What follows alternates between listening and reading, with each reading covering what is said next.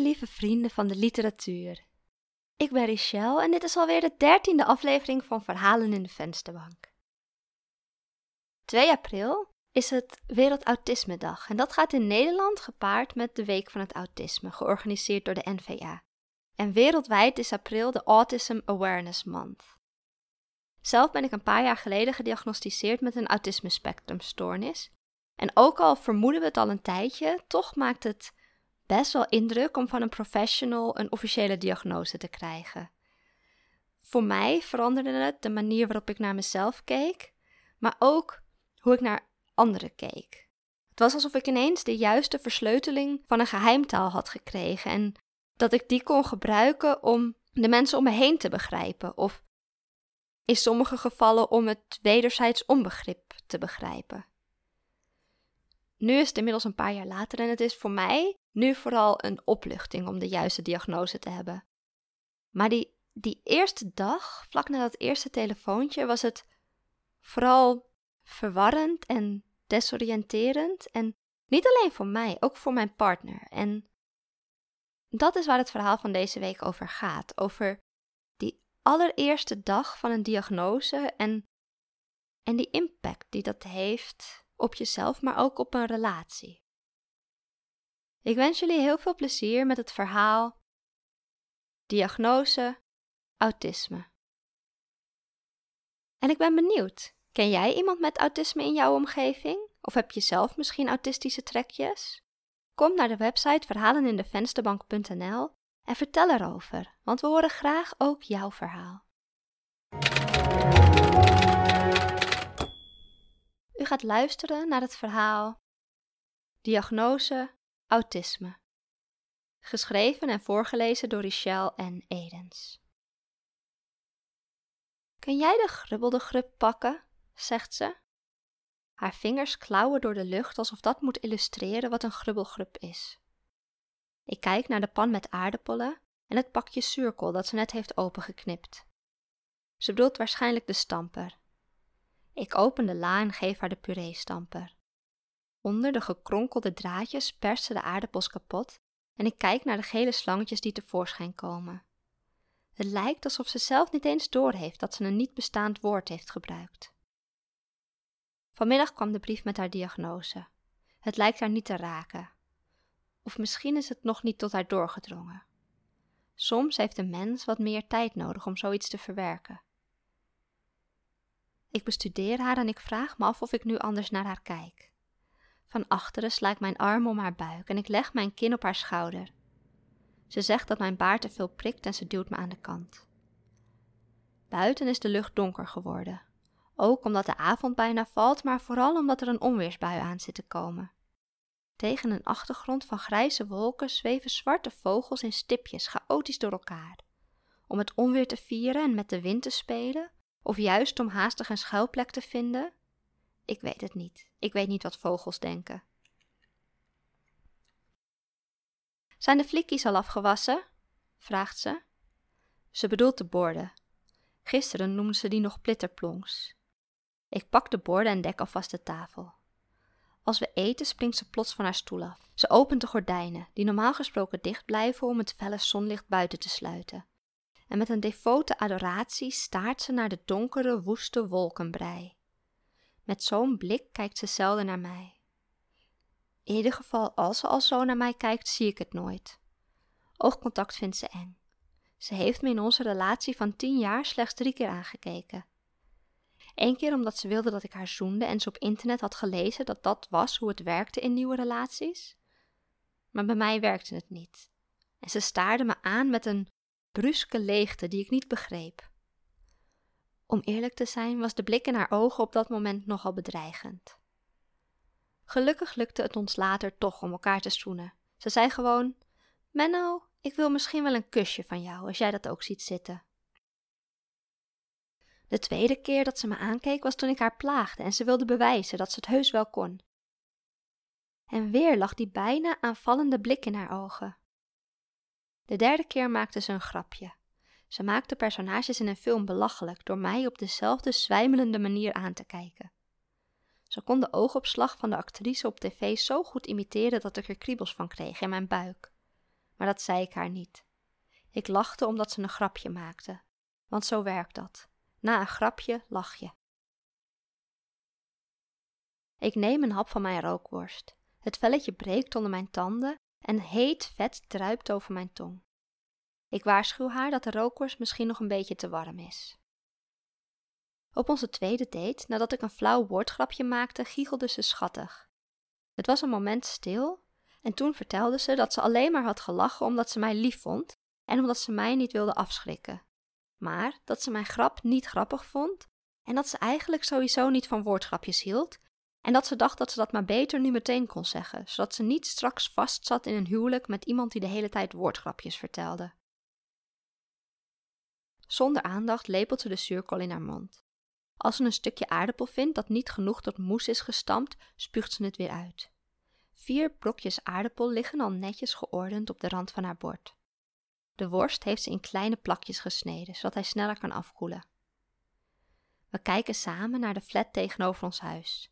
Zij claimt dat ze de donder hoort. Heel zacht en heel ver weg, maar ik hoor niks. We kijken naar de balkonnetjes met tuinstoelen en plantjes, het balkon met de opblaasgiraf en het balkon met de vlaggetjes die al maanden in de wind wapperen, waardoor tegenwoordig als er iemand verkondigt: Het leven is een feest, maar je moet zelf de vlaggetjes ophangen. Zij standaard antwoordt met: Maar als het elke dag feest is, beschimmelen je vlaggetjes. Mensen denken dat ze daar iets poëtisch mee bedoelt, dat het een metafoor is. Maar ik weet dat ze het op zo'n moment letterlijk over de vlaggetjes van de overbuurman heeft. We wachten op het onweer dat maar niet komt. De lucht is alweer aan het opklaren en onze borden zijn inmiddels leeg. Tenminste, die van mij is leeg. Die van haar heeft een halve cirkel van aardappelbrokjes en ook een vet klontje uit haar rookworst die ze te hard vond. Ze doet dit al jaren en al jaren houd ik van haar om al haar eigenaardigheden. Haar zelfbedachte woorden, haar obsessie met onweer, het gebrek aan oogcontact, haar eigenzinnige eetgewoontes.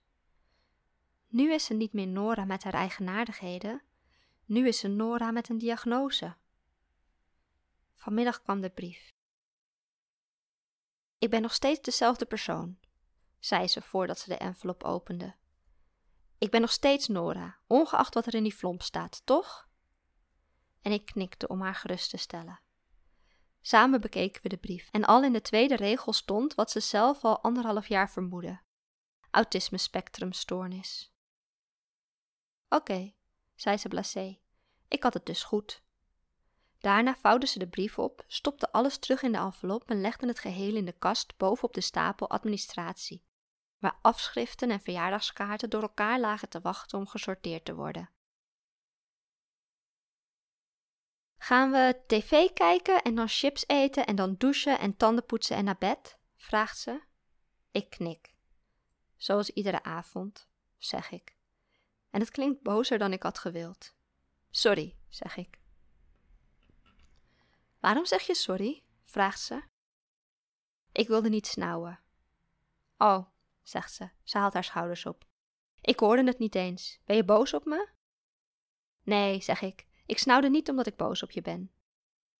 Ik weet niet waarom ik dan wel snauwde en ik geef haar geen kans om daarnaar te vragen. We gaan tv kijken, chips eten, tanden poetsen en douchen, zeg ik. Douchen en tanden poetsen, zegt ze lachend, alsof ik zojuist de beste grap ooit heb gemaakt. Douchen en tanden poetsen, niet tanden poetsen en douchen. Hoorde dit ook bij haar autisme? Ze leek zoveel plezier te hebben. Ze leek het hilarisch te vinden dat iemand eerst zou tanden poetsen en dan douchen. En ik vond haar aandoenlijk en vertederend. Ik wilde haar vastpakken en haar gezicht volplanten met kusjes. Ik wilde nog meer verkeerde volgordes zeggen om haar nog harder te laten lachen. Normaal zou ik dat doen. Normaal zou ik zeggen: We gaan tanden poetsen, douchen, in bed liggen en chips eten. En ze zou over de grond rollen van plezier. Eten nadat je je tanden al had gepoetst? Chips eten in bed? Het was ondenkbaar. Vandaag zei ik niets. Was dit een eigenaardigheid waar ik van mocht houden? Of was dit een symptoom? Ze zegt dat ze de grumpelgrip niet kan vinden en ik help haar zoeken naar de afstandsbediening. Op de bank kruipt ze tegen me aan. Ze trekt haar deken op tot aan haar kin en wrijft de zachte pluizen tegen haar wang. Soms wrijft ze de zachte deken tegen mijn kin, als het denkt dat ik verdrietig en moe ben, als het denkt dat ik dat nodig heb. Is zij verdrietig nu? Is dit met die deken hoe ze het nieuws uit de brief verwerkt? Het geluid van de televisie staat zacht. En toen we de televisie net hadden gekocht, heeft ze heel lang met de instellingen lopen spelen, zodat het beeld nu donker is en weinig contrasten heeft. Van felle televisies krijgt iedereen alleen maar hoofdpijn, zei ze. Misschien krijgt alleen zij hoofdpijn. Misschien heeft dat ook met autisme te maken. Ik schud mijn hoofd. Iemand moet toch gewoon van donkere televisies kunnen houden zonder dat men daar een diagnose op plakt? Ik vond zelf inmiddels donkere televisies ook fijner. Als ik een keer bij vrienden voetbal keek, kwam ik altijd thuis met vermoeid prikkende ogen. Ik voel me als een incompetente detective. Alles kan een symptoom zijn. Dat wrijven met die deken tegen haar wang, of hoe ze op een pluk krullen sabbelt, of dat ze haar sokken standaard binnenste buiten aantrekt, omdat die naad aan de binnenkant anders pijn doet aan haar teenknokkels. Als je al die mogelijke symptomen weghaalt uit het plaatje, wie blijft er dan over? Houd ik wel echt van haar? Of houd ik alleen maar van een diagnose, van een handicap? Handicap, dat woord blijft in mijn hoofd hangen. Dat woord past niet bij mijn Noortje. Het is geen handicap om flupperde flup of kwatsie-kwats te zeggen. Het is geen handicap om mensen niet aan te kijken. En het is geen handicap om onweer fantastisch te vinden of om je sokken binnenste buiten te dragen. Toch? Ik pak haar hand vast en streel mijn duim zachtjes over haar knokkels. Ik flupper die flup van jou, zeg ik, precies zoals je bent. Ze kijkt me aan. Voor de vierde keer in al die jaren dat we samen zijn, kijkt ze me aan. Niet plagend, niet demonstratief, niet namaakverliefd, maar met een zekere hulpeloosheid dit keer. Je bent verdrietig, hè? zeg ik. Ik weet het niet, zegt ze. Ik. Ik weet het niet. Hoort dat er ook bij, denk je? Dat je niet weet wat je voelt? Het hoort bij jou, zeg ik. Het hoort bij Noortje. Ze legt haar hoofd tegen mijn schouder aan. Ze tilt de deken tot aan mijn gezicht en streelt me zachtjes, alsof ik verdrietig ben en troost nodig heb. Misschien heb ik dat ook. Ik weet het ook niet, zeg ik. We weten allebei niet goed wat we voelen of wat we zouden moeten voelen. Dus zitten we daar maar samen op de bank, het niet te weten. Door het raam is een roze-oranje schemering zichtbaar. Ze staat op en sluit de gordijnen. Geen buitenwereld. Alleen wij twee. U heeft geluisterd naar het verhaal Diagnose Autisme. Geschreven en voorgelezen door Richelle N. Edens. Hartstikke bedankt voor het luisteren.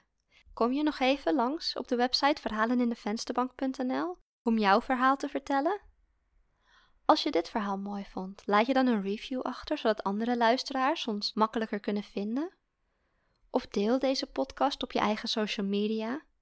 Geef deze podcast een like en vertel erover aan een vriend, een vriendin, een moeder of een schoonvader, een oom, een buurvrouw of een collega. En vergeet niet deze podcast te volgen, want we hebben jou er graag volgende week weer bij. Voor nu, een hele fijne avond en een hele fijne week. Doei doei!